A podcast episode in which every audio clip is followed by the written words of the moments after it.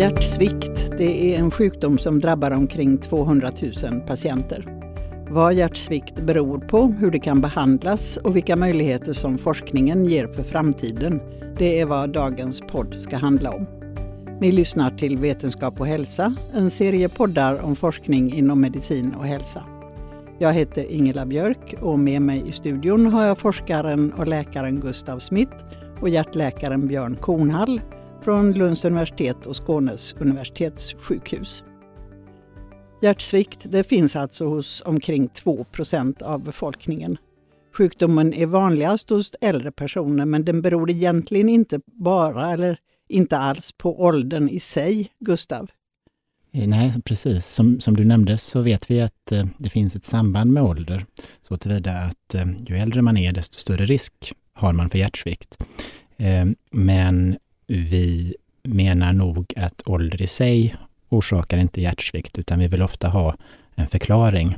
Sen kan det vara så att det finns många bedragande orsaker hos vissa, medan andra kanske bara har en enda orsak, så som en hjärtinfarkt till exempel. Vad kan det mer vara för orsaker? Eh, ja, vanliga orsaker är en genomgången hjärtinfarkt, ett högt blodtryck, diabetes eller en sjukdom i hjärtats klaffar till exempel. Och att eh, du, du nämnde när vi eh, pratade förut att det kan också vara att man eh, har från början haft ett dåligt hjärta, vilket man dog av för läkarna kunde inte rädda barn med, med svaga hjärtan. Men nu överlever man och då kan ändå hjärtat vara lite skadat. Precis, på senare år har det dykt upp ett par nya grupper av hjärtsvikt som, eh, som vi inte såg så mycket tidigare. En av dem är medfödda hjärtfel som nu kan opereras med väldigt stor framgång och det gör att allt större grupper överlever till eh, vuxen ålder och har då en ökad risk för hjärtsvikt eh, som ett resttillstånd.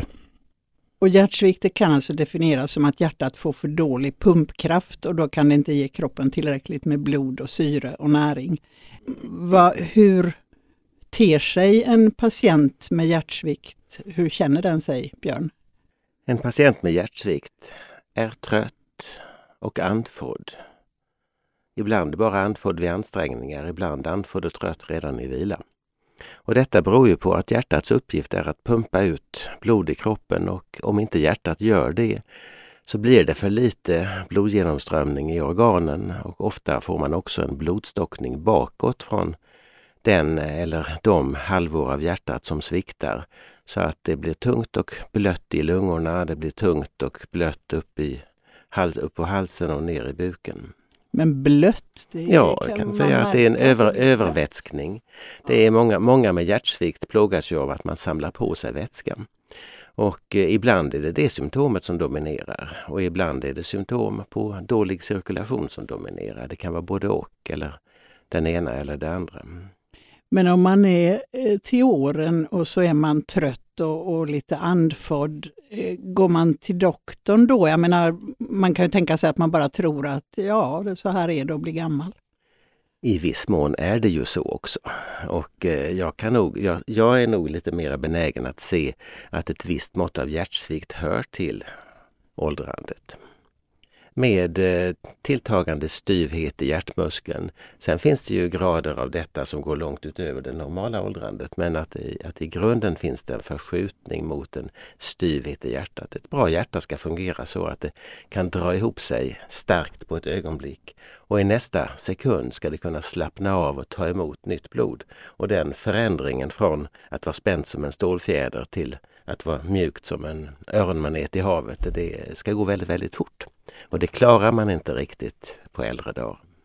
Eh, vi ska gå tillbaka till det här med, med eh, spänningen och avslappningen. Men innan dess, eh, Björn, vad händer när patienten då kommer till en läkare, antingen i något annat sammanhang eller på grund av den här andfåddheten och tröttheten? Vilka undersökningar gör man för att se om det är hjärtsvikt det handlar om? Ja, det är precis som du säger, det viktigaste är att ta reda på om det är hjärtsvikt eller om det är någonting annat som ska behandlas på något annat sätt. Men för att ta reda på om det är hjärtsvikt så behöver läkaren dels eh, fråga patienten eh, några enkla frågor om symptomen och sedan behöver man ta ett vanligt EKG. och ett blodprov som vi kallar ProBNP eller möjligen NT-proBNP. Och de, den här informationen ihop, den ger oss väldigt mycket kunskap om handlar det om hjärtsvikt eller inte. Men eh, innan man är helt säker så behöver man göra en ultraljudsundersökning av hjärtat också. Och vad, vad visar ultraljudet? Det ger idag väldigt fina bilder av hur hjärtat ser ut och hur det rör sig. Ultraljud av hjärtat är ju ursprungligen en Lunda-uppfinning, får man säga. Och eh, det har ju utvecklats och är ju en av de viktigaste eh, hjärtundersökningarna sett till mängden undersökningar som görs. Så man kan se om det är hela hjärtat som är påverkat? Man, man ser, man får en fin bild. Man ser om det är hela hjärtmuskeln eller delar av hjärtmuskeln som är skadade. Man ser om det är sammandragningsförmågan som är dålig eller avslappningen som är dålig. Man ser hur klaffarna ser ut. Eh, man får överhuvudtaget mycket information på en gång med detta. Som är viktiga, som är värdefull när man ska behandla hjärtsvikt. Och om man då ser att ja, man ska behandla hjärtsvikt, det är hjärtsvikt, det är då kan patienten få medicin och då är det viktigt att börja försiktigt med låga doser. Är det riktigt? Det brukar vara klokt att börja försiktigt när det handlar om kroniska tillstånd. Någonting har smugit sig på. Det är ju sällan något som har kommit på en vecka eller två utan detta har smugit sig på. Och Det brukar vara klokt att förskjuta sådant lite långsamt. Så att hellre börja lågt men vara konsekvent med att sedan öka doserna än att från början drämma till med en för hög dos. För det, då får man biverkningsproblem och då blir alla lite missmodiga och tror inte att det går att göra någonting. Så Det brukar vara klokt att börja lågt. Mm. Och kanske om man blir missmodig så kanske man eh, slutar att ta ja, sin medicin. Det är en stor, stor risk för det. Men sen är det också oerhört viktigt att man från början har klart för sig vilken typ av hjärtsvikt det handlar om. För det är avgörande för vilken behandling man ska börja med. Vi ska komma tillbaka till den frågan om typerna av hjärtsvikt. Men innan dess, det här med hjärtinfarkt, det är ju eh, en vanlig bakgrund till hjärtsvikt. Men numera är vården mycket bättre än förr på att ta hand om hjärtinfarkt så att hjärtmuskeln behöver inte få så mycket skador efter en infarkt. Och då trodde man också att fallen av hjärtsvikt skulle bli färre. Men så har det inte blivit, Gustav, utan man ser, som du var inne på förut också, en, en mängd andra patienter också. Så den totala mängden hjärt, patienter med hjärtsvikt har inte minskat. Nej, det är riktigt. Vi, vi har studerat detta i epidemiologiska studier och sett att det sker en glidning mellan olika orsaker till hjärtsvikt eh, på senare tid.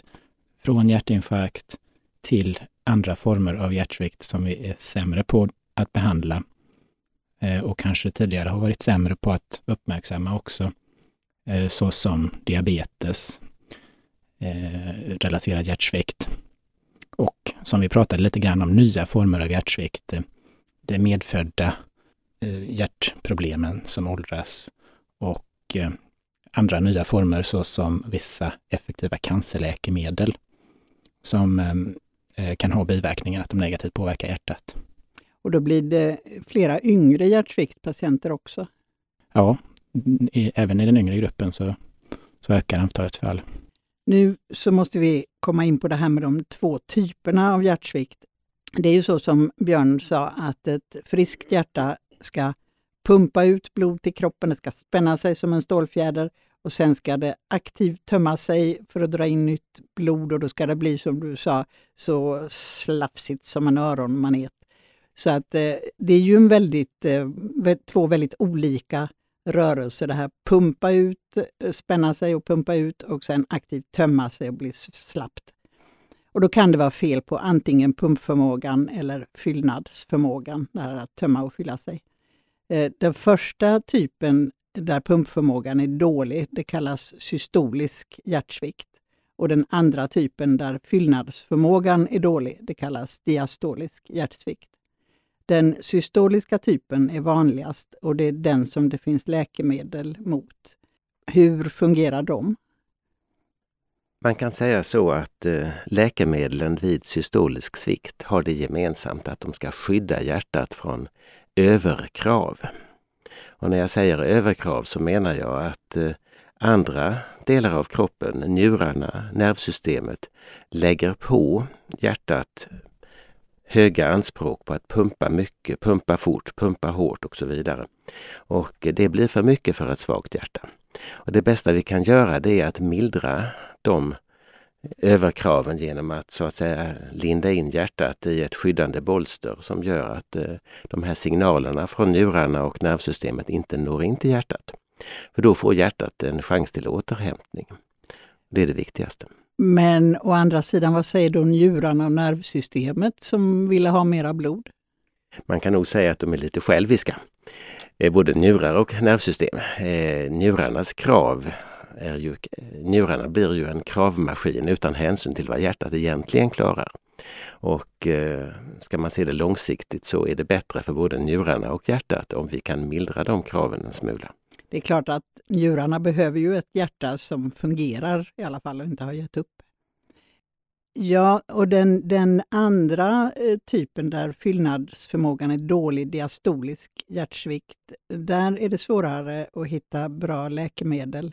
Men du Gustav eh, kanske är någonting på spåren där. För ni har hittat en gen som är kopplad till dålig prognos i sjukdomen och ökad inflammation som ger ärrbildning i hjärtat. Och det här med ärrbildning, det ser du som en nyckelfaktor bakom sjukdomen? Ja, det, det tror jag.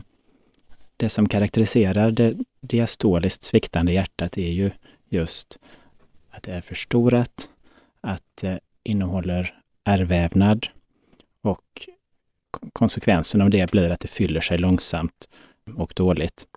Vi tror att om man kan komma in tidigt och förebygga den här ärrvävnadsutvecklingen och eh, förstoringen av hjärtat så kan man förebygga den här typen av hjärtsvikt. Och eh, har studerat detta i genetiska studier bland annat och där ser vi att eh, en viss del av immunförsvaret som tidigare inte varit så väl studerad verkar driva den här ärrbildningen i hjärtat som skiljer sig från den ärrbildning som uppstår när man till exempel skär sig i huden. Och vi tror att det skulle kunna vara en möjlig behandlingsmetod. Så att man skulle eh, stoppa ett överaktivt immunförsvar från att eh, skada hjärtat. Men varför eh, finns det någon poäng med det här överaktiva? Ja, det, det, låter ju inte så. Om det är överaktivt så är det för mycket. Det är liksom ingen poäng med det. Det finns säkert poänger med det i, i vissa situationer, men, men i den här situationen så blir det ett eh, överdrivet eh, och eh, icke självavslutande pådrag som kan behöva lite stöttning för att, för att avslutas, tror jag. Och då är det sån tur att det faktiskt finns ett läkemedel som påverkar, ja, inte ärrbildningen i sig, men som påverkar det överaktiva immunförsvaret som används inte alls för hjärtsvikt men för andra sjukdomar inflammationssjukdomar, men som du tror skulle kunna fungera här? Ja, det, det tror jag, eller det hoppas jag, eftersom vi inte har så mycket annat att tillgå. Men eh, det är, ska sägas att det är en lång väg dit. Eh, det behöver först testas på djur innan det testas på människor till exempel. Men i och med att läkemedlet finns, då har man ju i alla fall passerat en hel del hinder. Alltså man har kunnat visa att ja, det är faktiskt, eh, det har inga stora biverkningar i, i vissa situationer, men sen måste man ju då testa läkemedlet i, i hjärtsviktssituationen med de speciella omständigheter som råder där också. Hur långt har ni kommit på den vägen? Vi eh, arbetar med att förstå precis mekanismerna för eh, i hjärtat och har börjat att använda oss av det här läkemedlet lite grann för att testa effekterna i olika modeller. Modeller, det, det, det är djurförsök. När kan det bli tal om patienter? I bästa fall eh, fem till tio år skulle jag, skulle jag uppskatta. Mm. Och då skulle man kunna hjälpa dem, den, är den tredjedel av patienterna som har den här diastoliska hjärtsvikten, alltså fel på fyllnadsförmågan, och där det idag inte finns någon riktigt bra medicin. Just det, en tredjedel till hälften ungefär brukar man säga. Det är ganska mycket. Ja, det är en betydande andel av, av patientgruppen. Och då, om det så småningom finns ett eh, läkemedel som kan användas för just de här patienterna med, med risk för ärrbildning, då gäller det ju att hitta dem och helst så tidigt som möjligt. Hur ska man kunna göra det? Precis, jag tror inte att detta är någonting som vi ska tillsätta grundvattnet, utan vi måste hitta riskgrupperna i rätt stadium. Det finns en del sådana riskgrupper kända. Dels är det personer som har högt blodtryck, har diabetes, och på ultraljudsundersökning av, av hjärtat uppvisar förstadier till hjärtsvikt, till exempel ett förstorat hjärta. Och ni har eh, försökt med att utveckla en analysmetod som man skulle kunna göra analyser med hjälp av ett blodprov, men det är tydligen väldigt små mängder det handlar om som man ska upptäcka, så det är ganska svårt. Ja, det stämmer. Det här proteinet, det verkar ju framförallt i hjärtat och kroppen har utvecklat mekanismer för att hålla det kvar i hjärtat så att det inte ska läcka ut i blodet och ha effekter i andra organ. Eh, så därför så finns det bara väldigt låga nivåer i blodet. Vi har dock lyckats utveckla en metod för att med singelmolekylkänslighet, det vill säga mäta bara en enda molekyl i blodet av det här ämnet och kan då se skillnader mellan de som har hög risk och de som har liten risk för hjärtsvikt. Så det skulle kunna vägleda oss i våra behandlingsval också, den mätningen. Men om vi går tillbaka till de patienter som får hjälp av den här eh, medicinen som lindar in hjärtat i bomull, eh, hur mår de då? Ja, de, de överlever, men kan de få ett bra, någorlunda aktivt liv med hjälp av medicinen? Ja, de mår bättre.